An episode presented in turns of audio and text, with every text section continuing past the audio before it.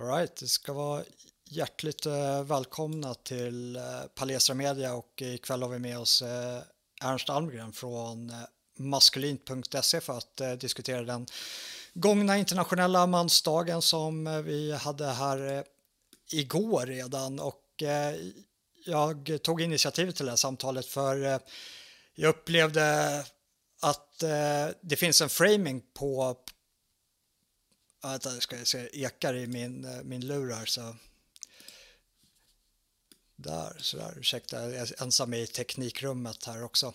Nej, men i alla fall, så det var, jag hade ju internationella mansdagen igår och eh, jag såg på till exempel på TV4 Nyhetsmorgon hur det ligger en framing om, eh, om den här dagen att eh, man ska lyfta upp att det också inte bara, det är inte bara synd om kvinnor, hela den feministiska rörelsen handlar ju om att man ska lyfta upp kvinnor som behöver hjälp och eh, det var lite den framingen som låg Eh, på den här mansdagen också. Att det, det, är också män som blir misshandlade i hemmet och det är också män som råkar illa ut i arbetslivet och eh, som eh, eh eh som, begår flest självmord och flest arbetsrelaterade skador. Och det är hela tiden det här perspektivet. Och eh, är det någonting som jag tycker med C saknas i det här samhället så är det snarare maskulina förebilder snarare än att eh, vi, det är såklart det är synd om de här männen som råkar illa ut, men det, det känns som att det finns ett överflöd och ett överskott på det här jämkandet och att eh, det, det, är någonting annat som behövs i det här samhället. Alltså jag tycker att mycket av de problemen vi ser är snarare att eh, man inte äger de problem man befinner sig i och eh, man inte axlar den situationen som man, man är, alltså i kollektiv eh, mening. Välkommen till showen. Jag ska, jag ska inte dryga ut den här påan allt för länge. Ja, tack så mycket. Det är, det är lugnt, du kan bara köra på så kan jag sitta och lyssna. jag är med. Eh, hur, eh, vad, vad, tycker du om eh, en sån här dag som internationella mansdagen? Vi, vi, har ju under, vi är jämngamla och under vår uppväxttid så existerade ju inte det, utan vi hade internationella kvinnodagen och det, det har legat en fokus på att, att försöka lyfta upp kvinnor som från, från en många gånger kanske uppfattad självpåtagen offerroll som tidigare kunnat haft någon form av bärhet. Och sen bara nu senaste åren så känns det som att ja, men även den här formen av narrativ och det här Eh, att, att det, det, är inte bara synd om kvinnor, utan se, se oss också. Det är synd om oss män också. Vad, vad har du för perspektiv? Hur betraktar du den här dagen? Vad, vad, vad gjorde du igår? Förutom att skriva ja. en väldigt bra krönika som, som återfinns på maskulint.se om dagen är. Ja, tack. Nej, jag gjorde inget uh, särskilt igår utöver det. Jag tränar, jobbar, uh, umgås med familjen. Alltså, innan jag börjar såga den internationella mansdagen totalt så vill jag säga att alla har inte dåliga avsikter som lyfter fram där. Eh, som du nämnde innan finns det ju anledningar att prata om frågor som rör specifikt män. Eh, som du nämnde att män går oftare självmord, Eh, män halkar efter i utbildning, män halkar efter på nästan alla områden. Men två fel gör inte ett rätt. Och det är det som är grejen. Det vi ser nu, anledningen till att män halkar efter så mycket är ju till en stor del på grund av den här könskampspolitiken som man har fört nu sedan slutet av 60-talet. Där man har demoniserat manlighet, man har lyft fram kvinnan som offer för hemska män och därför måste män kliva tillbaka. Och det har ju spårat ut totalt med första, andra och tredje vågens feminism. Och nu då så lyfter man fram som en lösning att män ska gå samma väg som kvinnorörelsen har gjort. Nu ska vi också presentera oss som offer och be om en plats vid offerbordet och få lyfta fram våra våndor och besvär. Och Eh, det, det besegrar ju hela det blir som kaka på kaka, problem på problem. Det kommer ju bara göra könskampen ännu värre. Det kommer lyfta fram den här påhittade konflikten mellan män och kvinnor som skapades med den feministiska rörelsen. Vi kan ju ta som jämförelse den internationella kvinnodagen som från början var en sovjetisk kommunistisk dag eh, där man valde att lyfta fram kvinnorna. Och, och, varför gjorde man det? Jo, för att kommunisterna ville väldigt gärna splittra folket i kvinnorna och kvinnofrågor, arbetarna och arbetarfrågor, män och män. Du vet, man ville skapa splittring med folket, ställa grupper mot varandra, splittra folkgemenskapen, eh, se till att kvinnan kommer ut i arbetslivet och tävlar med mannen där så att barnen kan lämnas på institutioner där de kan uppfostras i den kommunistiska läran. Så där började det. Och vad jag vet så var de som startade internationella mansdagen hade inte lika illasinnade motiv. Men det bygger ju ändå på samma sak, söndring, att män och kvinnor har en sorts kamp mot varandra istället för andra. Eh, så det är första problemet jag skulle vilja ta upp och jag, det finns massor mer att säga om det men du kanske har någon fråga däremellan? Ja, för, för mycket av det, man, man eh, jag vet, inte, nu eh, jag sitter i teknikrummet här och vi hade lite tekniska problem och det var därför vi var lite försenade och det verkar som att eh, hela chattfunktionen är nere på Youtube för den här streamen. Jag vet inte vad det beror på, jag verkar inte få igång den heller. Så, men jag har mm. mitt Twitterfönster öppet så är det så att ni vill flika in och liksom, Eh, få in någon fråga eller någon fundering så tagga in mig på Twitter så ser jag det därigenom istället så kan jag lyfta upp det.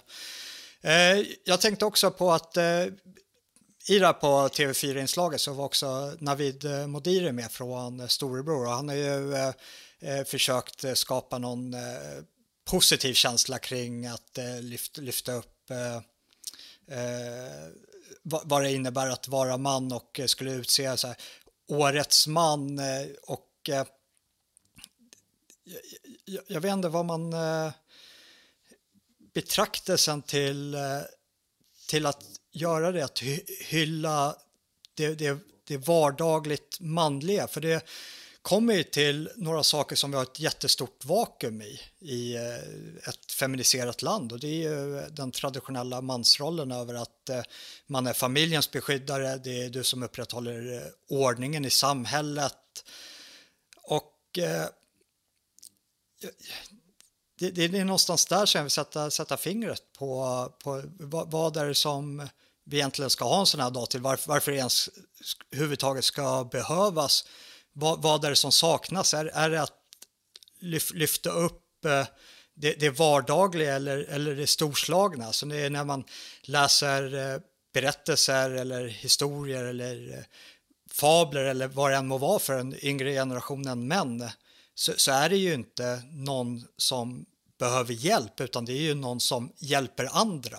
Alltså det, det är någon som tillgodoser sin familj, sitt samhälle med ett, med ett överskott och inte eh, dränerar. Man, man beger sig ut utanför den trygga sfären eh, som utgör hemmet där folk kan vara trygga och eh, du, du bringar in resurser till det. Och idag lever vi i ett samhälle där det här eh, trygga hemmet är otryggt och det, det tillskriver ju på grund av avsaknaden av eh, den positiva maskuliniteten som många i det här samhället eh, brukar tillskriva att kalla det för toxisk maskulinitet, eh, vilket eh, ja, får man kolla det utifrån aristotelisk mening att varje eh, dygd kan bli eh, en eh, belastning för den vrids upp eh, för mycket. Har, har du några tankar och funderingar där utifrån det perspektivet? Ja, så det, det har ju gått ifrån att kritisera toxisk maskulinitet som var väldigt luddigt från början till att man nu säger att manlighet i sig är toxiskt. Det är ju så, man flyttar ju fram positionerna hela tiden för hur man ska demolera könsrollerna. Och det är ju det allt det här handlar om. Alltså allt det här bygger på samma egalitära ideologi. Och det bygger på den här idén att människan är tabula rasa, det är ett blankt blad. Det finns inga essentiella skillnader mellan män och kvinnor. Och finns det inga män och kvinnor, då måste ju olikheter bero på olika maktstrukturer som har gjort att kvinnor oftare väljer att bli sköterskor och män oftare väljer att bli brandmän. Det kan ju inte vara biologiska skillnader eller mentala skillnader. Och det är en förevändning för att kunna ha en maktkamp. Och det har blivit någon sorts ersatspolitik för klasskampen. Så letar man nya områden där man kan sätta grupp mot grupp. Man har ett offer, man har offergruppen och så har man förövarna som varit männen. Och problemet är att när män försöker då möta det här offernarrativet med sitt eget offernarrativ Eh, så hjälper man ju den här egalitära världsbilden att bestå. Det här var ju någonting som Alexander Bard sa i en debatt mot Gudrun Schyman.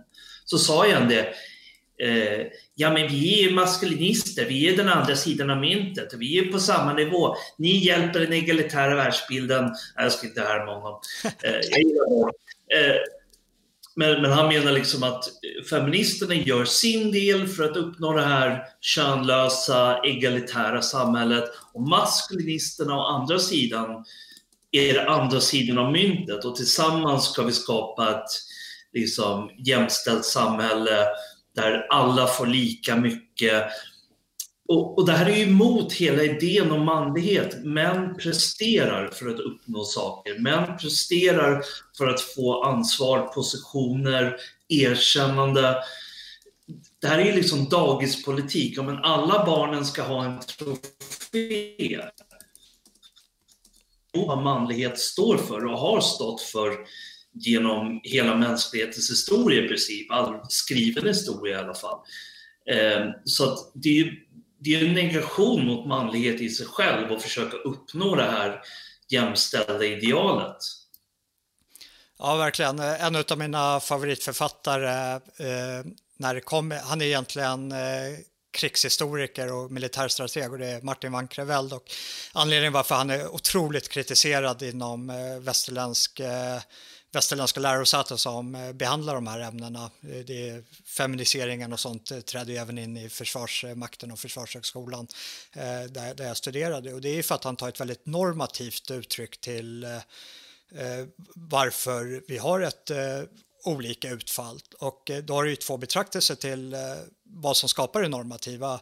Är det ett bank slate, ja men då är det den kulturella verkan som du är uppväxt i. Men ser man, betraktar man till biologin som en spelare så är det också det som föregår mycket av de normer som sen skapas. Och eh, han, han, gjorde en formulering, jag får se om jag gör, gör det rättvisa, men det är att om du eftersträvar och kräver att bli jämställd med en part alltså att kvinnor ska bli lika behandlade som män när det kommer till exempel till försvarsfrågor, alltså våldsutövning.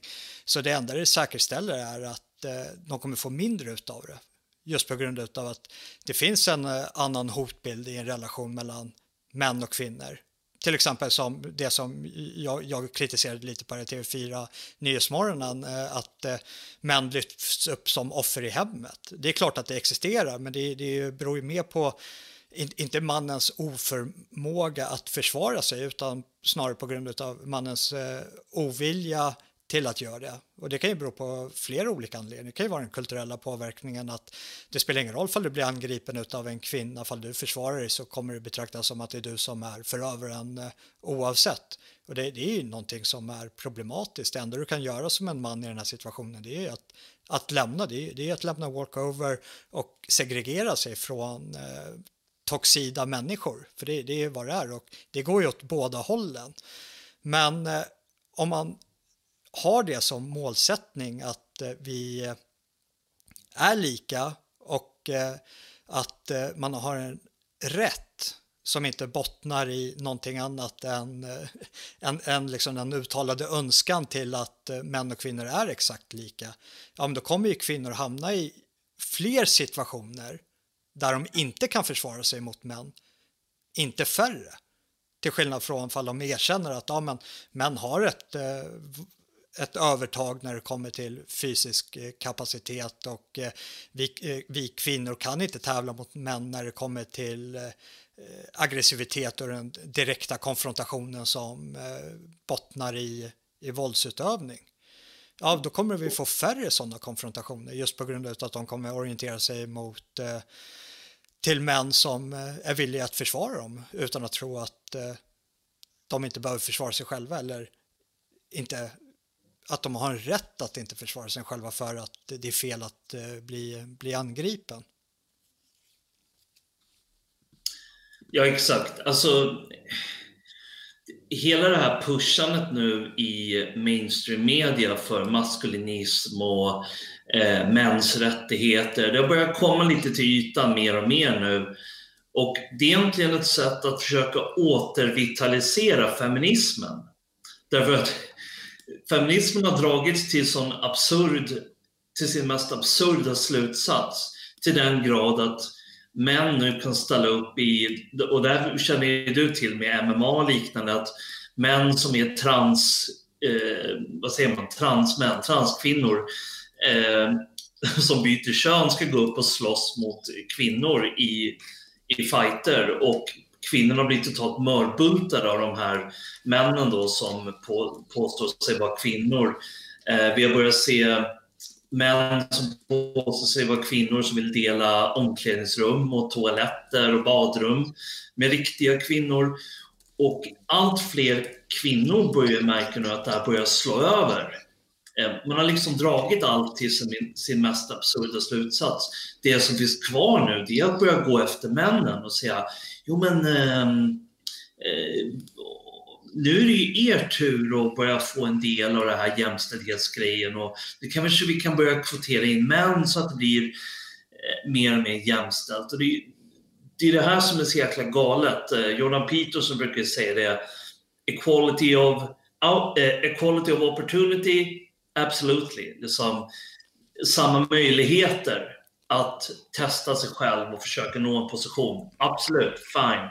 Det är alla med på. Men att få garanterat samma resultat och samma utkomst. Eh, det är ju tyranni. Det är, inte, det är liksom inte rättvist på något sätt. Men, det är ju så man har sagt, liksom, att kolla, nu har vi 60% kvinnor i styrelsen, så nu är det en jämställd styrelse. Eh, jaha, så färre män betyder mer jämställdhet och till slut så blir det bara kvinnor kvar och det många kvinnor börjar märka nu är ju att det här var en ganska dålig deal för dem också. Eh, för att återigen gå in på vad Peterson brukar lyfta fram och även David Eberhard så har vi den här eh, jämställdhetsparadoxen i Skandinavien. Att när män och kvinnor får mer frihet att välja själva, mer ekonomisk jämlikhet, så väljer kvinnor i större utsträckning traditionella kvinnliga roller eh, yrken. Och män väljer i större utsträckning traditionellt manliga yrken. Medan i länder som Indien och Kina där man inte har råd att bara välja det man helst vill göra så är det fler kvinnor som tvingas in i man, traditionellt manliga yrken. Så, så, det är liksom bevisat eh, på alla upptänkliga plan. Vi har haft det här sociala experimentet nu sedan slutet av 60-talet det är snart 50 år som vi har haft det här, om inte 60 år. Och nu ser vi konsekvenserna och kvinnor börjar märka att oh shit, det här går inte så bra. De här löftena vi ville uppnå eh, ledde inte till någonting bra. Nej, ap apropå det här med, eh, jag höll på att säga kvinnliga MMA-utövare, det, det, är ju inte vad det är, men det, det är ju män som inte kan konkurrera med andra män och eh, väljer då att eh, tävla mot kvinnor och dominera de klasserna. Och det, det är så här, jag, jag, är, tvådelad i det här. Dels så tycker jag tycker att det är oerhört hemskt mot eh, de eh, eh tävlande, de kvinnliga tävlande som vill tävla mot eh, andra kvinnor och eh, liksom vara en del av eh, en levande idrott oavsett vad det rör sig om. Det, det finns ju exempel såväl inom eh, MMA, eh, vilket, vilket är eh, kanske extra förödande just på grund av att även fast män och kvinnor väger in på exakt samma så har vi olika former av muskelfiber och muskelmassa vilket gör att män som tävlar mot kvinnor i MMA, att de gånger det har hänt så har det ju liksom blivit hjärnskakningar på, på de kvinnor för att de inte har samma nackmuskulatur som män har. Alltså det, det är ett annat tryck i musklerna hos männen. Eh, men det, det, det, finns ju någonting, jag, jag, såg en eh, dokumentär, en kanadensisk dokumentär som eh, lyfte upp en, eh, och det, det går lite i samma linje, en eh, manlig tyngdlyftare som tävlade i, i strongman-tävling och sånt där. Och eh, det, det, gick väl inte så bra för honom. Och är det någonting som ligger med de här bodybuilders och hela den här, ni får ursäkta för jag generaliserar lite här men det, de flesta av dem har ett ganska narcissistiskt drag av att gilla att synas och liksom stå på scen och liksom visa upp sin muskelmassa och sin, eh, ja men det, det är lite, lite köttmarknad och eh, som, som de gillar att eh, exponera sig på. Och när jag ser den här dokumentären, eh, jag, jag, kommer inte ihåg namnet på den, jag vet inte ens om den är ute, utan det, det, det, jag fick ta del av den i en eh, dokumentärfilmskurs. Jag, jag är, vi är dokumentärfilmare på Palestra Media, så vi, vi har ju med, mycket med vänsterliberaler inom, eh, inom övrig media att eh, göra. Så den här dokumentärfilmaren har följt den här personens resa från eh, eh man till kvinna och eh, han fortsätter ju såklart tävla inom den här tyngdlyftningssporten som han gör. Och just, just när det kommer till de här narcissistiska dragen, att han upptäckte i vuxen ålder att eh, nej men jag är tjej. Och han upptäcker ungefär samtidigt som att eh, han kanske inte får riktigt få den uppmärksamhet från scen som han en gång i tiden fick eller eftersträvade att få när han började tävla. Ja men vad är, vad är bästa receptet för att eh, åter få hamna i, eh, i blickfånget? Ja, i 2020 så är det ju att säga att du är kvinna. Och istället för att bli ifrågasatt eh, i form av men, eh, hur, hur mår du? Alltså, du, du, behöver du prata med någon? Så, så blir han istället påhejad av eh, så här, prisbelönta dokumentärfilmer som vill förmedla hans starka story. Det, det, det, ja, ja, men så, så, så jag är lite så här tudelad. Dels så roas jag ju åt eh, den här clownvärlden. Alltså, jag har ju tagit eh, humorpillret i, i betraktelsen till min omgivning. Det är så jag klarar av vardagen. Jag går runt och småskrocka för mig själv när jag betraktar min, min samtid. Det är, det är oerhört lustigt och det, det kommer ju skrivas ballader om den här tidseran i framtiden som en av de mest bizarra genom den mänskliga evolutionära historien. Så, så utifrån det perspektivet, ja, det, det, är lite, det är lustigt, men samtidigt är det oerhört hemskt för eh, de som drabbas av de här narcissisterna eller eh, sjuka individerna. Och eh, jag säger sjuka individer, jag menar inte att det är något sånt nedlåtande med det. Jag, utan det, det, är synd om dem på något sätt. Som de, de behöver hjälp på ett eller annat sätt. Men de ska inte tävla mot kvinnor utan de ska få läkemedelsindustrin, höll jag på att säga, men åtminstone sjukvården att tävla om att ta hand om dem. Ja, så det finns ju en psykologisk term för det Det är ju könsdysfori. Alltså, och det har varit känt sedan länge att det finns människor med den här eh, eh, mentala eh, handikappet eller den här mentala förvridningen. Det är ju samma som Ta anorektiker som ser sig i spegeln dag efter dag och tycker att jag är fortfarande för tjock fast det är revbenen som sticker ut. Då säger vi till den människan Nej, du behöver äta lite. Tro mig, du, du är för smal. Faktum är att du behöver nog komma till sjukhus och få extra näring genom slangar liksom, så att du ska överleva. Vi lyfter inte fram dem och bara “Åh, titta på den här tjockisen. Eh, eh, nu måste vi hålla med henne eller honom här så att han känner sig bra med sin eh, förvirring av sin kroppsbild. Utan vi säger “Okej, okay, det är ett problem. Du behöver hjälp.” eh, Att säga till en man som säger “Ja, men jag jag är egentligen en kvinna och säga ja men det är lugnt, vi ska finansiera ditt könsbyte, att du kapar av din, ditt könsorgan och sätter dit ett låtsasorgan. Alltså, det är ju groteskt. Det är en grotesk misshandel av den personen. Det är en grotesk lögn till samhället och framförallt så är det groteskt att man lyfter fram det här till små barn som man gör i många delar och säger men titta det här är sunt och naturligt. Vi kan byta kön hur som helst. Eh, det är bara vad du känner dig som. Nej, det är det inte. Det är eh, någonting media väldigt sällan talar om är ju alla som byter kön och sen vill byta tillbaka, som ångrar sig. Det lyfts ju väldigt sällan fram och det är ju en enormt hög procent. Jag kommer inte ihåg exakt hur mycket nu, men det rör sig om väldigt många människor. Eh, och sen bara för att återkoppla till det du sa om offerskap. Jag, jag har ett citat från proffsboxaren Ed Latimore som jag tycker är så talande i det här. Och han säger att att tävla i offerskap är det enda spel du kan vinna genom att vara en förlorare. När människor inte klarar av att vinna genom sina meriter söker de uppmärksamhet genom martyrskap. Ja. Det säger ju allt egentligen. Ja. Ja, det, det är klockrent. Eh, det påminner om eh, vad, eh, vad heter hen, Caitlin, Caitlyn, den före detta amerikanska löparen som gjorde ett könsbyte och sen blev år, utnämnd till årets kvinna. Det,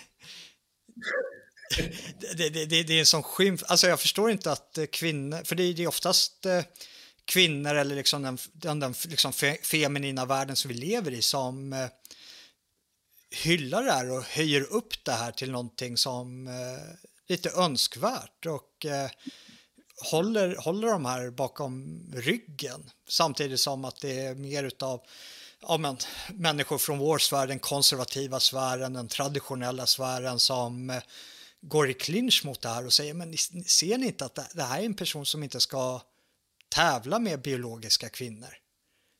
Och sen, eh, nu, nu är vi på lite så här på sidospår, men det var ju de facto också samtidigt som det här tillåts i eh, vissa delar av världen så var det ju en biologisk kvinna eh, i Sydafrika som spelar, spelar i deras fotbolls, kvinnliga fotbollslandslag som inte fick fortsätta spela i fotbollslandslaget på grund av att hon hade för höga testonivåer. Jag vet inte om du känner till det fallet, men Ja, som du säger, alltså man måste kunna skratta åt vansinnigt emellanåt för att inte själv bli galen. Liksom. Eh, för det här har gått så väldigt långt. Men det är det här som visar också att det är en pyrrhusseger eh, för feministerna att de har lyft fram allt kvinnligt som bra och det manliga som dåligt. Åtminstone för män så är det något dåligt. Därför att nu ser vi att kvinnor börjar förlora sitt värde för att man har nedvärderat det manliga. För då börjar ju män tävla i att vara kvinnor. Och då tar ju de här männen eh, det utrymmet från kvinnorna. Jag menar, Caitlyn Jenner tog ju, Bruce Jenner, han tog ju en kvinnas plats, någon, ja. en kvinna som borde ha rollen. En man som låtsas vara kvinna och tävlar i styrkelyft tar ju en kvinnas chans att kunna vinna bland andra kvinnor. Eh, och det är det här som är grejen, så fort du väljer en sida i könskampen så förlorar hela folket. Därför att vi behöver både män och kvinnor. Och här är problemet med internationella mansdagen, för att återkoppla till det. Det är att vi ser kvinnor som naturligt sköra, värdefulla, enbart för att de är kvinnor kvinnor är vackra, de kan föda barn. De är värdefulla i sig självt på ett annat sätt som män inte är. Män måste prestera för att kunna få erkänna sitt värde och det är därför vi har passageriter som gör att pojkar blir till män. Kvinnor blir, flickor blir till kvinnor genom sin första menstruation, så erkänner vi, de är kvinnor. Män måste alltid prestera och när vi har tagit bort de riterna tagit bort kraven på prestation, då får vi sånt här trams som internationella mansdagen, där män också ska stå där och, och visa upp sig och säga åh, titta jag är värdefull bara för att jag är. Och det tar ju bort hela den här utmaningen som gör oss till män, den här chansen att få bevisa oss. Och vi tar ifrån kvinnors deras roll att vara objektet för vår åtrå och, som vi vill försvara och skydda och vörda eh, genom att försöka ta kvinnornas, eh, dela kvinnornas piedestal. Ja, det är en Ja, det är ju så här, för man betraktar det utifrån eh, tävlan. Jag anser inte att eh, könsrollerna, att, att det existerar någon tävlan dem sinsemellan, utan vi, vi eh, är eh, komplementära till, till varandra. Vi, eh, min kvinna fyller en roll i mitt liv som ingen eh, manlig vän kan göra. Och då, då menar jag inte liksom i, i, i rent privata liksom i form av fortplantning utan i, det, det, finns liksom andra brygger där vi eh, kompletterar varandra på ett väldigt, väldigt bra sätt. Men har man det här tävlingsperspektivet, för mycket i livet är ju en form av tävlan, att man, man har sin grupp och så tävlar man mot en annan grupp och sen så finns det, man kan låtsas att det finns individuella tävlingar också, men det, det är alltid en laginsats mot en annan laginsats. Och eh, när vi ser typ vad man i så patologisk mening kan se typ könskampen att eh, det, det, finns en stark bitterhet hos kanske delar av den feministiska rörelsen mot just män. Eh, vad eh, man lite elakt kanske kan kalla, vad vissa kallar för typ så här penis eh, avundsjuka. Och eh, tar man deras betraktelse till eh, deras kamp och ser det som en tävlan, ja men vad gör man då fall det finns biologiska förutsättningar som inte går att blunda för som skiljer oss åt. Ja, men de försöker ju att eh, skala bort det som skiljer oss åt för att skapa en, eh, liksom, en plain level feel så att de kan tävla med oss inom alla områden. Och eh, jag kom tänka på, eh, jag försökte se för jag kunde hitta, hitta bilderna men eh, jag, jag, såg den inte, det hände för mycket på Twitter. Men Candice Owens, för er som känner till det, det, är en svart kvinna i, i USA som eh, står på Republikanernas sida och är opinionsbildare och stödjer Trump och eh, hela magarörelsen. Hon eh, delade en bild häromdagen, vilket innebär att du behöver scrolla, jag vet inte, fyra, fem timmar för att komma ner till flödet till, till på, på hennes profilsida. Men då, då var det ju män eh, som gick på en modevisning som hyllas som ett nytt form av ideal som i princip har på sig kvinnokläder. Alltså typ jag, jag, vet inte vad man ska kalla det när det är män som har på sig det, men alltså det, det, det var riktigt feminina kläder. Det, var, det såg ut som transvestiter utan att för den delen skulle vara transvestiter. Alltså de, de, de försökte inte förmedla en transvestitisk bild utan de försökte förmedla ett nytt mansideal.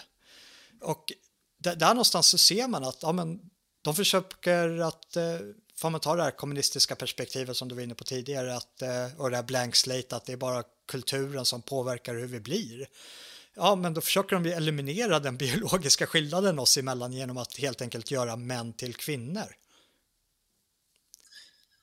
Just det, och just med den här Candace Owens-kontroversen så drogs ju Ben Shapiro in i det för att han försvarade ju Candace Owens och sa det här är det jag sagt hela tiden för Ben Shapiro är ju traditionell juda eh, väldigt traditionalistisk och liksom för traditionella könsroller och så.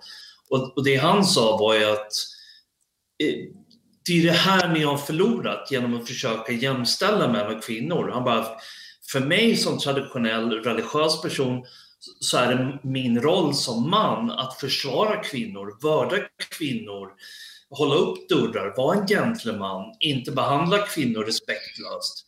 Han bara, men när ni säger att nej, män och kvinnor är precis likadana och ska behandlas exakt likadant, och säger, då tar ni ifrån mig det den chansen att vara en gentleman, att vara en traditionell man som eh, uppfyller sin plikt gentemot kvinnan som försvarare och beskyddare. Liksom.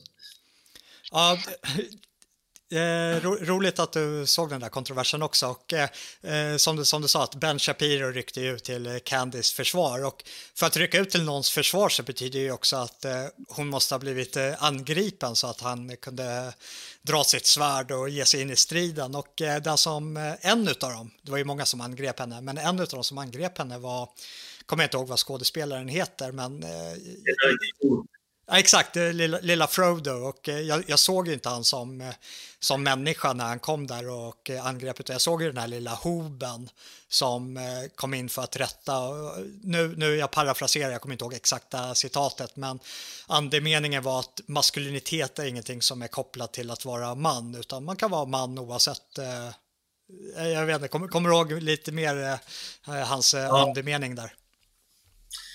Just det, för, för grejen var att när Ben Shapiro svarade liksom och, och stödde Candace Owens tes om att vi håller på att förlora riktiga män i samhället och mannens roll, så kommer ju Elijah Wood in med den här klassiska, eh, det är inte det som definierar en man. En man av sin manlighet var hans exakta citat. och grejen är att det, det roliga var, det var ju flera som kom med den här följdfrågan som man aldrig svarar på. Om män inte definieras av manlighet, vad i helsike definierar män i så fall om inte vår manlighet? Och det har inte han något svar på. Och det är för att Elijah Wood tillhör ju liksom samma generation som oss. Eh, liksom, vad är det, den tredje generationen nu som är uppväxt i ett matriarkalt, eh, feministiskt, eh, manshatande samhälle. Han har ju lärt sig att det är så här man ska tycka från skolan och allting. Han tycker säkert att han är jätteduktig och att kvinnorna kommer berömma honom. Åh, vad bra att du står upp eh, mot den här förlegade mansrollen. Men grejen är att Elijah Wood har ju inget svar själv. Vad är manlighet i så fall om det inte är eh, vår traditionella roll som män?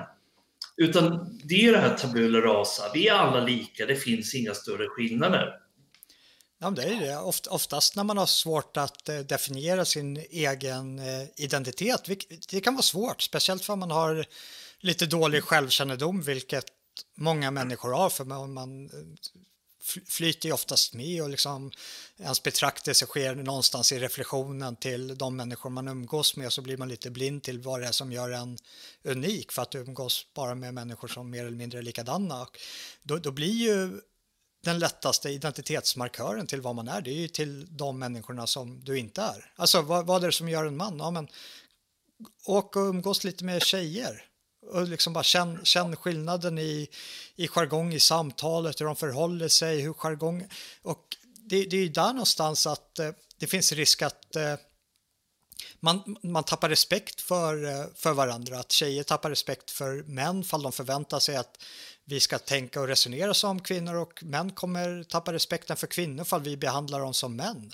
Det är som att försök behandla din tjej som en av dina grabbpolare. Hon kommer ju undra liksom, hon kommer ju känna sig mobbad.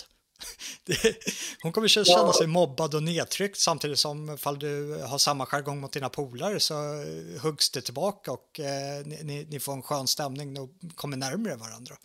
Och i sånt här läge skulle ni komma ifrån varandra och slutligen kanske göra slut då. Ja, grejen är också att det är det här klassiska vänsterknepet att undantaget ska utgöra regeln. Det finns människor som föds utan ben och det är hemskt. Därför ska ingen få gå på sina ben för då kan de som har ben känna sig exkluderade. Och det är ju inte... Det är ett ganska löjligt exempel, men om vi säger så här om man kollar på Hollywoodfilmer och i mainstream media kan man ju tro att var tredje man är homosexuell och varannan kvinna är lesbisk och Eh, de flesta män är feminina, metrosexuella, hens, Men så är ju inte verkligheten. Det är en liten minoritet av män som tänder på andra män till exempel. Ehm, och grejen är att eh, Vänsters argument är ungefär så här att om vi inte gör det här till normen. Att det här, då måste vi hata homosexuella män till exempel. Eh, medans, och det är givetvis störtlöjligt. Jag behöver inte hata homosexuella män för att jag ser heterosexuella män som normen. Man måste ju kunna göra generaliseringar och ha ett ramverk för allting i samhället. Och sen utifrån det ramverket så kan vi säga ja, vissa män är lite mer feminina än andra män och några är lite mer maskulina. Vi ska ju fortfarande visa respekt mot alla människor och liksom försöka att bemöta alla på ett värdigt sätt så länge de bemöter oss på ett värdigt sätt. Men vi kan inte, bara för att inte såra någon annans känslor, säga att nej, det är lika normalt att klä sig i klänning som man och det är lika normalt att byta kön. Det är inte lika normalt. Och det är dessutom måste vi ta det ett steg längre och säga att det är inte särskilt sunt. Det är en sak med Caitlyn, eh, Bruce Jenner som är i vuxen ålder. Han var väl över 50 eller någonting när han kom på att han var en kvinna. Men det här är ju propaganda som riktas mot små barn. Och det vet ju jag som förälder, jag har själv tre barn, en dotter som är 13, en son som är 3. Det är jättevanligt i den åldern, som du sa, man försöker hitta sig själv. Det här är komplicerade grejer, särskilt för, för unga och framförallt barn. Man håller ju på och utforskar och testar saker, kanske tar på sig en klänning för att det är roligt. Jag menar, om min son skulle ta på sig en, eh, en flickkläder eller någonting på dagis för att han tyckte det var roligt skulle inte jag bara Åh nej, han måste vara trans eller han måste vara gay. Med en treåring, han har inget koncept om sexualitet eller könsidentitet. Det där kommer senare. Jag menar, nu är det ju bara någonting roligt att utforska. Och liksom, inte sexuellt givetvis, men vad gäller könsidentitet. Eh, så, det är väldigt larvigt relativiserande av könsroller som faktiskt är skadligt. Eh, det är extra viktigt då att vi har tydliga roller vi kan säga så här är män för det mesta och så här är kvinnor för det mesta. Sen finns det undantag och de ska vi respektera och hjälpa på deras vis. Men vi måste kunna erkänna att det finns vissa generella riktlinjer.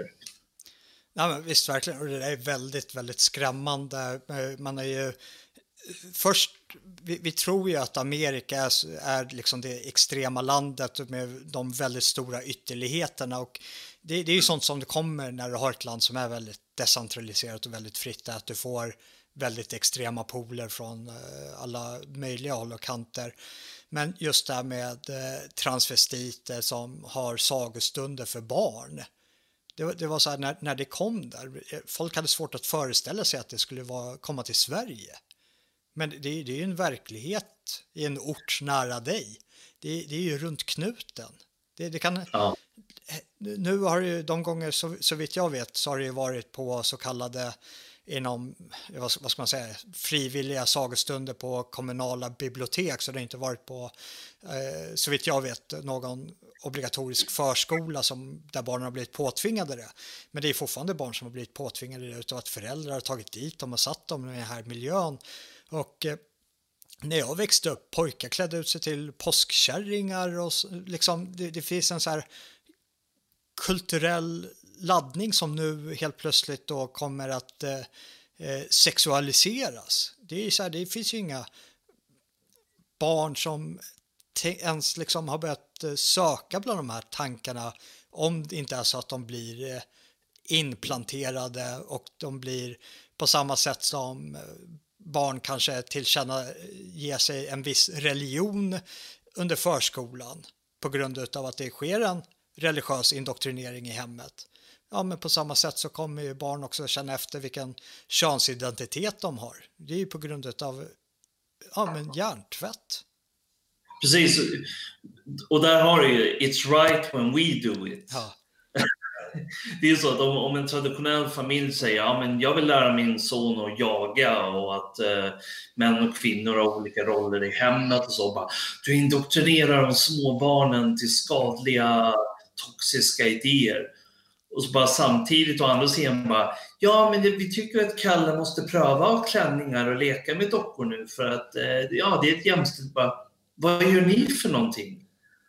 Antingen så är det fel eller så är det rätt. Och då ska det ju vara upp till föräldrarna i så fall hur de vill uppfostra sina barn, så länge de inte skadar dem givetvis. Men det här är helt bisarrt. Jag har ju sett det här eh, på mitt lokala bibliotek. Jag tog med mig barnen för att titta efter lite barnböcker. Och det jag hittade där som personalen hade ställt fram som rekommenderade val var ju helt groteskt. Jag la ut det på min Twitter, det är säkert långt tillbaka i min tidslinje nu. Men det var ju sånt som eh, ja, jag vet inte ens om man kan säga det på Youtube. Alltså det är sexuella grejer. Vad man kan göra med den här och vad man kan göra med den där. Och, eh, lilla Pelle, tre år, är homosexuell och lilla Lisa, fyra år, är lesbisk. Och, och, och Peter vet inte om han är en Peter eller en, eh, eller en Katrin. Och sånt här. Man riktar sig mot små, små barn för att inympa de här idéerna. Eh, Alltså det, är, det är jävligt otäckt. Och som ja, du säger, det är runt knuten. Ja. Och det börjar alltid med de små idéerna. Det börjar alltid med något exempel. För du minns det här när vi gick i skolan, om man pratar om homoadoptioner. Det var någonting som bara, oj, ja, nej, alltså jag respekterar ju homosexuella, men jag vill inte ha homoadoptioner. Det är att ta det för långt, höll de flesta med om. Nu är det det nya normala. Och nu tar man nästa grej framåt och det är så det går. Nej, nej det, det, det är oroväckande. Vi, vi gjorde en dokumentär i fjolas här på kanalen som eh, hette Det könlösa samhället. Eh, vi, tyvärr så fick vi rensa vår kanal här på Youtube så det, den dokumentären ligger på Nontube eller på Library. Men då var vi ju besökte en genusförskola i Stockholm. Kommer jag faktiskt inte ihåg vad, vad, vad, vad den förskolan hette. Men eh, de hade ju eh, eh ja, dels, jag bara kom tänka på en sak. Alltså ger du en Barbie-docka till en liten pojke, alltså den där hårfönen som hon liksom har för att liksom blåsa i håret, det, det kommer ju vara en k-pist liksom och han kommer sabba leken för alla andra tjejer som sitter runt där. Men, men i alla fall, så, så vi går runt på den här förskolan och vi kommer till så här dockdelen och då är det typ eh, tyg, eh, eller så här, typ nallebjörnar fast människor då. Och eh, de här nallebjörnarna har könsorganen liksom så här, och de är nakna liksom. Så jag bara frågar, men var, varför, varför har de här dockorna eh, penisar för liksom? Och eh, hon blev så här eh, triggad utav bara, bara frågan bara. Jo, men det, för, för, för att man har det. Har inte, har inte du det? Jag bara, jo, ja, det, det har jag, men var, var, var det liksom... Varför kan inte dockorna ha sex? Ja, nej, men så, så det bottnar ju, det var ju regnbågs, regnbågsflaggor i varje rum där också. Det, det, det handlar ju om en så normalisering över någonting, för de ska bygga upp ett starkt argument för det de håller på med så kan de säkerligen göra det att eh, man, man, de lägger fram sitt case över att ja, men det är viktigt att det inte finns kulturella barriärer eh, för eh, oavsett fall du är tjej eller kille så ska du ha samma möjligheter att agera i det här samhället och då är det bra att vi har en pedagogik som inte särbehandlar eh, barnen beroende på vad det är för kön. Och det är, det är så här, större delen av befolkningen kan gå med på det, men det är, att, det är vad de säger. Och sen det som händer i deras utfall, i deras agerande, att de skruvar upp det till liksom upphöjt till eh, hundra. Och det, är, det här är vad du får, en normalisering utav eh, könsorgan, sex, samlevnad, eh, barnlitteraturen eh, så är det väldigt grafiska bilder på hur barn blir till och, och hela den här biten och eh, mycket av att familjekonstellationer kan se på alla, ut på alla möjliga olika sätt och du kan ha två papper och du kan ha två mammor och och allt sånt där. Och, eh, det, det, de öppnar eh, dörrar som i förlängningen, om det vill sig väldigt, väldigt illa, så är det ju liksom i, i dess ytterläge att det kommer också ske en normalisering till till exempel pedofili som följer i liksom den här eh, riktningen som de har tagit ut. Som vi såg med Netflix-serien Cuties till exempel som av många mainstream-källor hyllades som modigt och nyskapande och det var högerextremt att bli provocerad av det här eh, påstådda Washington Post, tror jag det var, Buzzfeed och liknande. Vi har ju sagt det här länge och, och, och, det kan låta väldigt långsökt nu. Jag förstår att det gör det. Men vi som har eh, sett det i 30 år, liksom, vi har ju sett hur det som var helt vansinnigt för 30 år är normen. Och det som börjar idag fortsätter vara normen i år, eller kanske ännu tidigare. Det är så fort det går. Därför måste vi börja protestera direkt när de börjar föra in sådana nya idéer. Minsta lilla push för pedofili eller propaganda riktad mot små barn, då måste vi sätta ner foten på en jävla gång så att det här inte får, får en grund att bygga vidare på. Eh, det räcker inte med att bara acceptera det nya normala hela tiden.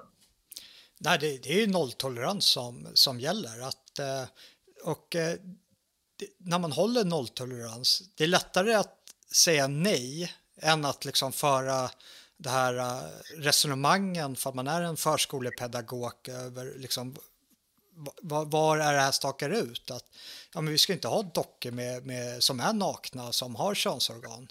Det, det är bara ett blankt nej. Liksom. Sexualundervisning inom eh, barnbokslitteraturen, det, det, faller bort, det är ingenting vi ska ha. Vi ska definitivt inte ha några transvestiter som eh, har sagostunder för, för barn. Och för att knyta ihop säcken och återgå till vad det här började med, internationella mansdagen, så kan jag säga det att eh, det här är inget vi kan förändra uppifrån och ner. Liksom att vi genom en dag om året ska vi sitta och diskutera de här frågorna och ha eh, åh, idag ska vi prata mansfrågor, den här indoktrineringen av små barn och sånt. Vi måste börja leva som män och vi måste börja bygga som män och skapa männerbund. Vi måste skapa gemenskaper. Vi måste bygga det här nu och här. Vi måste skapa familjer och lära våra egna barn hemma och tillsammans och i våra communities. Eh, jag tror att jag nämnde det här förra gången jag var med, men eh, som i min kommun så gick jag samman med några andra fäder eh, här i min kommun och alla har inte samma åsikter, alla delar inte min bild av det här. Det var många kristna, det var några hedningar, det var några från högern. Men vi gick samman och gick till förskolan och sa eh, min pojke är en pojke, min dotter är en flicka. De ska inte lära sig någonting annat, för då tar vi barnen ut ur den här förskolan. Och det är det som gäller. Jag kan säga ingen protesterar där. Går man samman ett gäng män och tar ansvar och säger vi kommer inte acceptera den här skiten, då händer det saker. Vi såg det i London också när det var ett gäng muslimer, muslimska föräldrar som gick till en av de här skolorna och sa ingen gay-propaganda till våra barn. Det, det, sker inte. Då tar vi barnen härifrån och de får inte gå i skolan. Och de tvingar ut att eh, staka. Och det är mycket bättre att göra eh, än att fira internationella mansdagen en gång om året och klappa varandra på ryggen för att vi råkar ha penisar. Eh, det kommer inte förändra någonting. Vi måste börja leva och agera det vi tror på. Det är så vi hyllar vår manlighet, genom att agera efter manliga värderingar. Ja, verkligen. Jag kan, jag kan inte hålla med mer att eh, det, det, det, är ju en ständigt pågående process att eh, behöva ta vissa jobbiga beslut ibland. Och jag säger jobbiga beslut för eh, att vara lite konfrontativ är väldigt jobbigt för många oavsett om du, du är kvinna eller man. Men det krävs så lite så ofta. Det, det, krävs så lite som att bara gå och sätta en liten tröskeleffekt till eh, oavsett om det är förskolepedagogen i det här fallet eller om det är en lärare i skolan eller vem det än må vara, att bara gå och prata med dem och visa, säga liksom om det här är vår ståndpunkt och det är så här. Och vi är ju ett flockdjur i, i grunden och eh, som individ så är det ju svårt att göra någonting själv. Det är klart att man kan gå och prata med förskolepedagoger själv, men det är en helt annan sak att vara, vara en eh, ensam förälder som går och pratar med eh, pedagogerna eller fall ni är några stycken och man känner att vill du förutspå någons agerande så är det ju minsta motståndets lag som gäller. Det, det är, folk är väldigt följsamma. Det är inte för intet som eh, vi kallas för en skockfår när det kommer till demokratiska frågor utan vi, vi vill leva på vårt liv utan eh, så mycket friktion som möjligt och eh, bara ha, ha en stillsam tillvaro och ja, för att få det, ja, men då är man andra människor till lags. Och är det inga som höjer sina röster, ja, men då är det ju systemet till lags snarare än de människorna som de här pedagogerna är satta att serva. Exakt, och bara för att tillägga en sista grej där som du nämnde, just det att vi är flockdjur. Och här är den stora bristen med sådana som Jordan Peterson och David Eberhard och så här. De är väldigt mycket för att prata om individen. Och individen är ju såklart viktig, alltså individens frihet och möjligheter och så vidare. Men vi kan inte eh, överleva i en värld där stammar, klaner, flockar slåss mot varandra och leva som någon fjantig bild av konan Barbaren eller Clint Eastwood och vi ska mäta oss mot andra stammar. Du kan vara hur vältränad du vill, hur bra du på kampsport du vill. Om du möter ett helt gäng som är beväpnade och som är enade och sammansvetsade, då är du körd. Vi måste umgås i grupper. Vi måste ha andra män som vi kan förlita oss på och som kan förlita sig på oss, som kan eh, kämpa med oss oavsett vad vi vill uppnå. Det är essentiellt. Det, det, det är en ganska intressant eh, iakttagelse. Jag och eh, Anton gick igenom eh, Moderaternas nya idéprogram och eh, Moderaterna är väl det partiet som Jordan Peterson eventuellt skulle ha röstat på för han bodde i Sverige och jag misstänker att David Eberhardt eh, ligger inom den fåran också.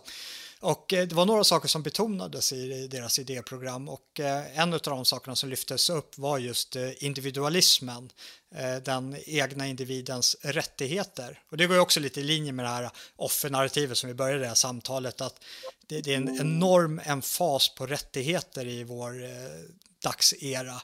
Medan går vi hundra år tillbaka då vi levde i mer maskulin tid, då var det en, en fas på skyldigheter, typ omvänt. Var det någon som kom och snackade om sina rättigheter så var det så här, bara, men vad är det för fel på dig? På samma sätt som om någon nu går fram och pratar om att ja, vi har en skyldighet att göra det här. Men har du tagit dina rättigheter i beaktande? Och eh, och eh, dissonansen ligger i att ja, men de är väldigt individualistiska, de vill lyfta upp den individuella friheten, men samtidigt så är de för en oerhörd överstatlighet. De är för de här eh, starka internationella institutionerna som motverkar den nationella suveräniteten, nationens frihet. Men när man kommer ner på den minsta nivån så är de väldigt för den individuella friheten, vilket i princip bara betyder att de vill ha friheten att kunna bete sig som ett svin. Men jag, som, jag betraktar mig som både nationell och som eh, Sverigevän.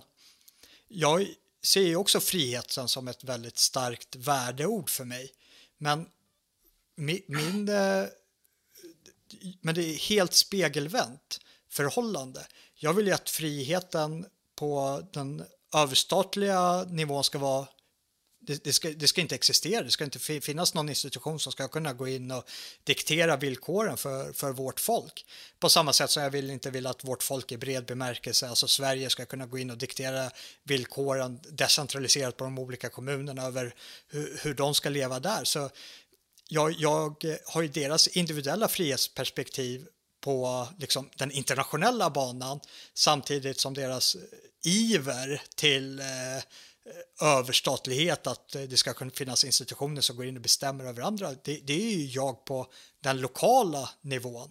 Alltså, för, att man ska förenkla det, för det jag sa så att poängen kanske går fram, det är att jag är libertarian på när det kommer på statsnivå eller internationell nivå, men jag kanske är extrem socialist eller kollektivistisk när det kommer till familjenivån. Alltså i mitt egna hem, i min egna omgivning. Ja, då är jag ju mer av en kollektivistisk varelse för det är där jag existerar med, med andra människor och kan relatera till andra.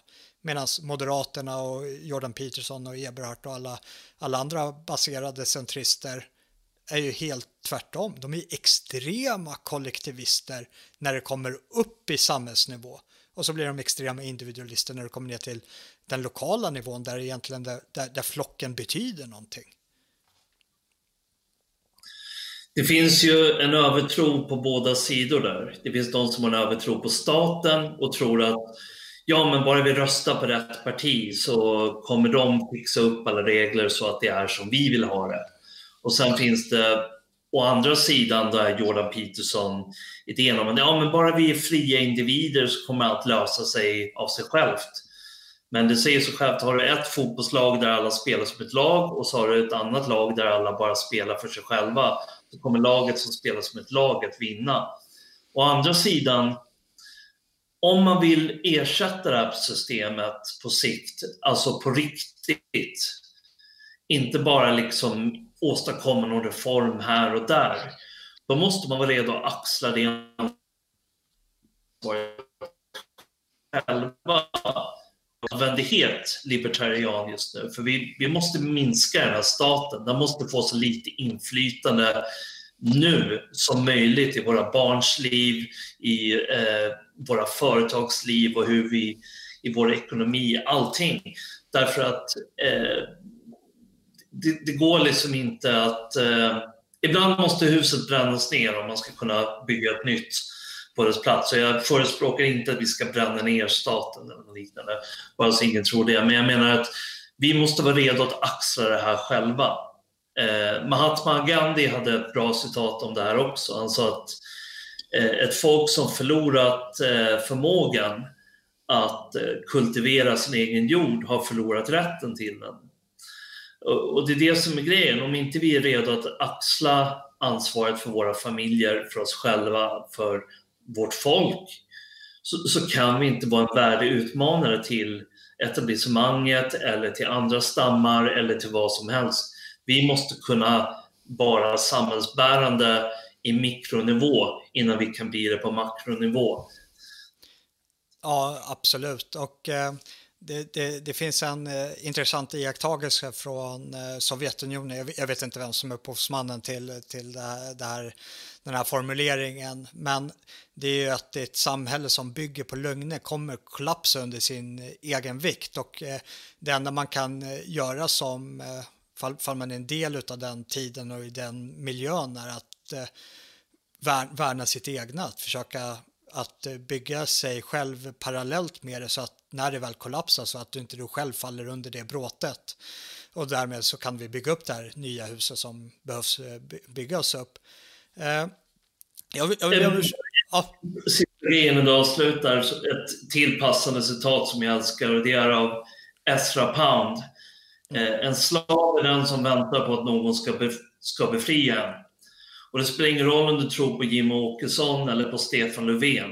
Om du sitter och väntar på att Jimmy eller Stefan ska rädda dig så är du en slav. Du är en slav under systemet och du är en slav under tron på systemet, vilket är ännu värre. Ja, verkligen. Och eh, läs, eh, du, du har säkert redan koll, men jag säger till tittarna, det blir en liten shout-out till eh, eh Likt, likt alla poddar lyssnar man för länge, man lär känna dem och det gäller väl även för er som lyssnar på oss på Palestra Media så man eh, roterar runt bland lite olika och så kommer man tillbaka sen.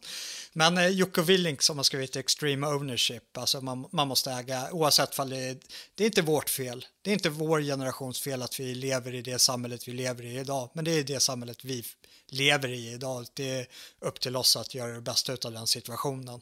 Eh, vi ska inte bara tro att eh, någon politiker som vi går och lägger en röst eh, på var fjärde år kommer göra den förändringen utan det måste, det måste ske gemensamt med varandra och det är inte bara en dag i äran som ska hyllas för, för att någon förändring ska ske utan det är en process som sker på daglig basis.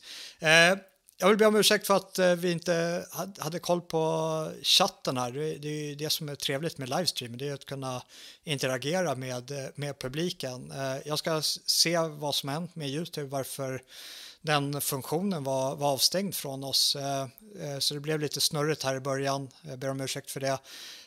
Vi fick in en intressant fråga på, på Twitter som jag tycker passar ganska bra, så jag, jag tar gärna och bollar den Eh, som en eh, liten avslutningsfråga innan vi slutar. Och jag tänker så här, vad kan passa bättre på den internationella mansdagen att eh, fira att en av de manliga ikoner som har existerat, inte bara i vår generation utan generationen ovanför med allt ifrån Sean Connery till eh, Craig, eh, tappar efternamnet. Men eh, att eh, James Bond numera är en eh, kvinna, och inte bara en kvinna utan en svart kvinna. Har du någon eh, reflektion på det? Ja, det är såklart otroligt tramsigt.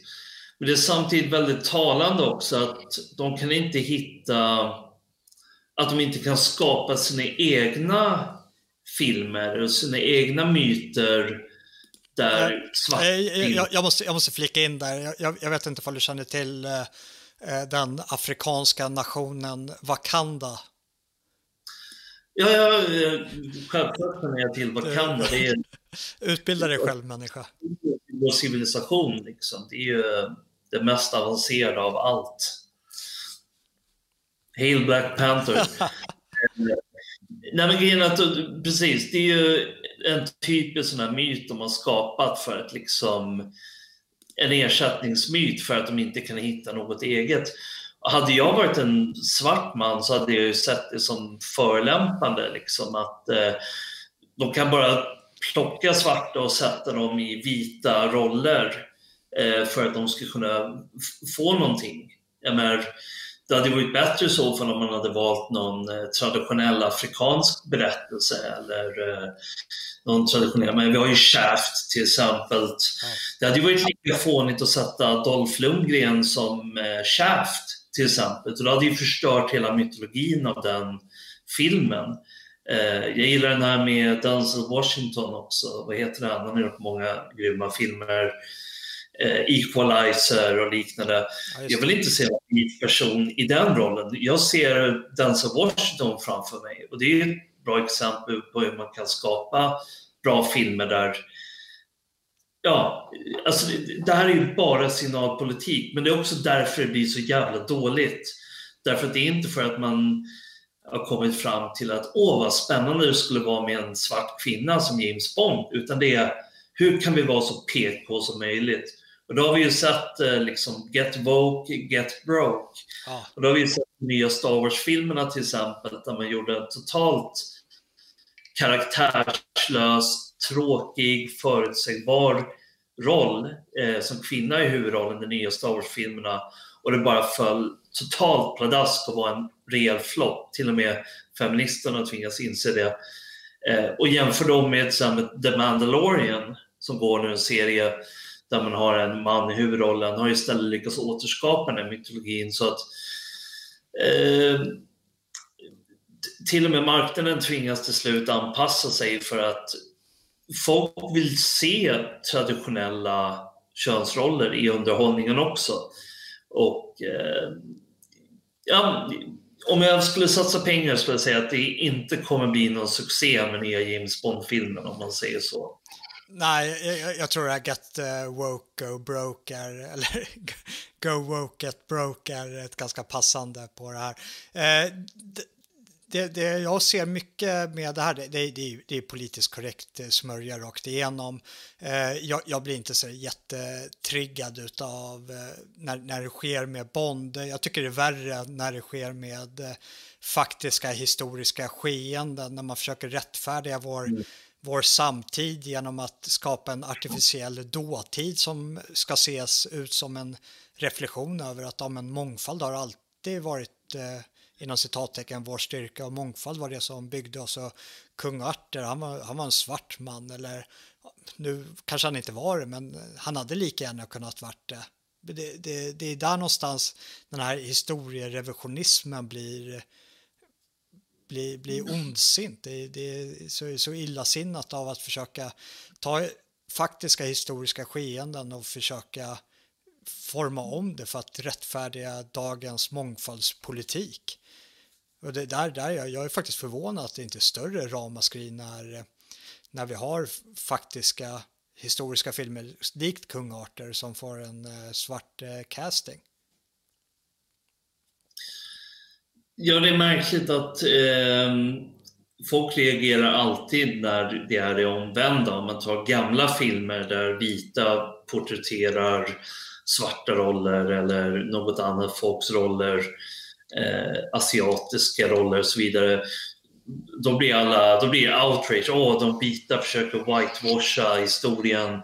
Vi såg det med den här filmen uh, Ghost in the Shell. Där hon, eller Faraon? Ja, det... Eller eh, Cleopatra? Ja, nej, eh, Ghost in the Shell. Eh, ja, precis. Det är hon, hon som spelar um, i Avengers, uh, Black Widow. Uh, spelar huvudrollen där. Men det är i alla fall en känd manga-film som de har gjort till en riktig spelfilm. Och då valde de en vit kvinna för att spela huvudrollen. Och eh, vänstern var ju outraged att det här var whitewashing och det, det förstör mangakulturen och och så vidare. I Japan älskade de filmen, men i USA så var vänstern väldigt upprörda för att eh, de hade valt en vit kvinna i huvudrollen. Men det, eh, hade japanerna varit förbannade över det så hade jag köpt det. Ja, men varför ska det vara en vit person i huvudrollen? Det är väl skitdumt om det handlar om en asiatisk person. Eh, det förstör ju hela kontexten för filmen. Och det är samma sak här. Alltså, James Bond är en traditionell engelsk gentleman. Och det, det är liksom det, det är den kontexten böckerna är skrivna. Och känner man till lite om författaren till James Bond så vet man att han hade inte tyckt om den här porträtteringen. Det var raka motsatsen av vad han ville förmedla. Ja, eh, ett, ett intressant citat från eh, Aristoteles som han skrev i, eh, i diktkonsten. Och eh, jag tror att det här liksom passar väldigt bra till att förstå vad som vad det är för berättelser som överlever genom tid som är värda att återberätta. Och bara att anledningen att jag kunde läsa Aristoteles eh, text, diktkonsten, beror ju på att eh, människor genom generationerna ansåg att det fanns ett sånt värde i den här berättelsen som eh, Aristoteles förmedlade. Så de eh, la ner oerhörda mängder med resurser i form av tid och eh, dåtidens liksom, typ valuta, vad det kostar att kopiera de här papprena för hand. För det är enda sättet att man kan överleva, för papper förmultnar så du måste hela tiden liksom återskapa kopiorna till liksom den dagen vi fick Gutenbergpressarna och kunde trycka upp i stora, stora upplagor. Och eh, det han skriver om de grekiska dramerna till eh, vad, vad som gör dem attraktiva att, eh, att gå och kolla på om och om igen och varför det är samma liksom, berättelse som återspelas är för att den här myten eller det här dramat eller den här fiktionen som förmedlas, den är mer sann än en enskild historisk händelse. För en enskild historisk händelse som faktiskt har inträffat kan eh, vara ett uttryck för ett undantag. Det kan vara ett uttryck för den här pojkflickan som gillar att vara ute med grabbarna och dra ut på äventyr och slåss mot monster och ta med sig bytet hem och bli hyllad som en hjälte. Det finns sådana kvinnor där ute, men det, det, är liksom inte den generella kvinnan. Men det de här grekiska dramerna gör är att de tar en fiktion och sätter den mänskliga generella berättelsen in i den. Så de berättelser som överlever genom tid är sådana som är sanna. Alltså eh, sanna i typ en evolutionär mening eller i en andlig mening som, som vi människor kan eh, drömma oss bort i. Och det är det som har gjort Bond-filmerna till att eh, ha överlevt från vår faders generation till vår generation. Nej, för att det, det är en pojkdröm över att kunna vara den här kvinnotjusaren, kunna hantera de här fienden, kunna gå ut och rädda nationen och liksom bara vara allmänt lyckad i de, vad, vad som kan betraktas som klassiskt manliga domäner. Och det är ju för att det är klassiskt manliga domäner, inte bara över tid utan över liksom hela den mänskliga evolutionära historien. Och det är därför vi, vi uppskattar den berättelsen. Så när man frångår vad som är generellt sant och börjar rikta in sig på vad som är undantagssant, ja, men då gräver man också sin eh, egna, egna grav med berättelsen. Då är den inte längre värd att återberätta i samma betraktelse för klientelet som kan drömma sig bort i det är, är borta helt enkelt, för det är för få i konsumentutbudet. Jag kan ju bara ta ett exempel på hur fel James Bond blir med en kvinna i huvudrollen. Och det är att någonting män har beundrat med James Bond är att han är väldigt bra på att förföra kvinnor. Därför att det är, det är svårt. oftast svårare ja. för män att förföra kvinnor. Så om en man som en massa vackra kvinnor kastar sig över för att ha sex med, det är någonting män bara, shit, jag vill vara honom. Om den här kvinnliga Bond då ska gå runt och förföra män och ligga med dem så kommer folk bara tänka, okej, okay, hon är hon är en slampa. Eh, därför att det är den dynamik, för det är inte svårt för en kvinna att hitta män som vill ha sex med henne. Det är en omvänd dynamik. Det kommer inte funka på scen. Eh, för att en kvinna ska vara attraktiv ska det ju vara det omvända. Att hon är svår att få i säng. Hon är liksom kräsen med vilken typ av män hon eh, vill vara med. Eh, och det har ju funnits jättemånga bra sådana roller. Ta Ellen Ripley i Alien Eh, jag tror inte någon störde sig på att det var en kvinna i huvudrollen. Hon var jävligt tuff och liksom stod ut. Och, eh, men det var ju för att man skapade ett universum åt henne. Eh, Alien var Ellen Ripleys liksom universum. Det hade blivit fel att sätta in en man efter det i liksom Aliens-filmerna. Så att det är det, de har, det är det här som bevisar att det här bara är signalpolitik. När de tar traditionellt manliga roller och ersätter dem med kvinnor så är det bara eh, det handlar bara om politisk korrekthet. Det handlar inte om att skapa någonting för underhållningsvärdet. För att folk vill inte se de här gamla rollerna. Vi såg det med Ghostbusters där de gjorde en Ghostbusters-film med bara kvinnor. Det blev en total flopp. Varför då? Eh, Christopher Hitchens har ju skrivit en eh, en essä om eh, Why Women Aren't Funny. och eh, där han tar upp det att rent evolutionärt så är det inte någonting som kvinnor behöver. Eh, kvinnor behöver inte vara roliga för att kunna förföra män. De behöver bara vara vackra. Men för män är det en otrolig tillgång att vara socialt kompetent, rolig och vitsig. För det utstrålar självsäkerhet och det är någonting som kvinnor blir attraherade av det är det, om man frångår de här evolutionära spelreglerna som har skapats under liksom, årtusenden eh, så, så blir det bara helt fel. Det blir inte trovärdigt. Nej, det, det finns ju eh, jag, jag, två, två inflikningar. Eh, du får, vi, vi, vi är ju på lite övertid här så eh, domarklockan eh, tick, tickar övertidstiden. Det, det är strulet i början som eh, slapp, slappar ut här. Då. Men det, det, finns ju en rolig liknelse över att ja, men en nyckel som kan öppna alla lås, det, det är ju liksom en huvudnyckel, det är en master key som alla vill ha. Men däremot att ha ett lås som alla nycklar kan öppna, det är, det är ett lås som är sönder, som ingen vill ha. Eh, jag, jag låter eh, överlämna det till tittarna att avgöra hur den passar in i den här eh, könsrollen rörande sex och samlevnad. Och, och sen, sen när det kommer till humor, varför tjejer är generellt, i alla fall när det kommer upp på en nivå över att ja, stå upp komik och eh, övrig komedi. Det, det, finns ju risk att eh, man eh, kränker någon i den processen. Och i, ett mänskligt naturtillstånd att göra någon upprörd i den egna stammen kan ju riskera att eh, den personen tar till våld och då krävs det också att du har en egen kapacitet att faktiskt våga uppröra någon och det är lite där som män, eh, eh i alla fall en grabbig jargong i hockeylaget, fotbollslaget eller i lumpen i, i luckan eh, i, i värnplikten. Det, det är man testar ju varandra genom att driva med varandra och se att de har lite vad som krävs så att de inte blir alltför upprörda.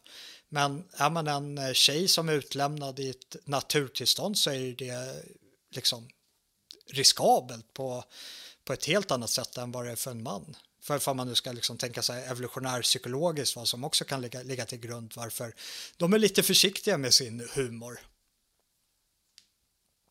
Ja, exakt. Kvinnor intrigerar ju på ett annat sätt. Det finns ju massor av böcker som kartlägger det, men på skolgården till exempel så går pojkarna ut och utmanar varandra genom att förelämpa varandra. Ja min pappa är starkare än din pappa och bara nej det är han inte och så slåss de. Medan flickor är lite mer att de vis viskar bakom varandras rygg. Bara, eh, Hörde du vad Jeanette gjorde? Ja, ah, shit. Eh, det är så kvinnor, och det har ju det här med att de är fysiskt mer utsatta. Då, då måste man hitta andra metoder för att kunna få makt och inflytande. Och det är så kvinnor på det sättet har gjort. Ja, man, man, är försiktig med att bilda opinion.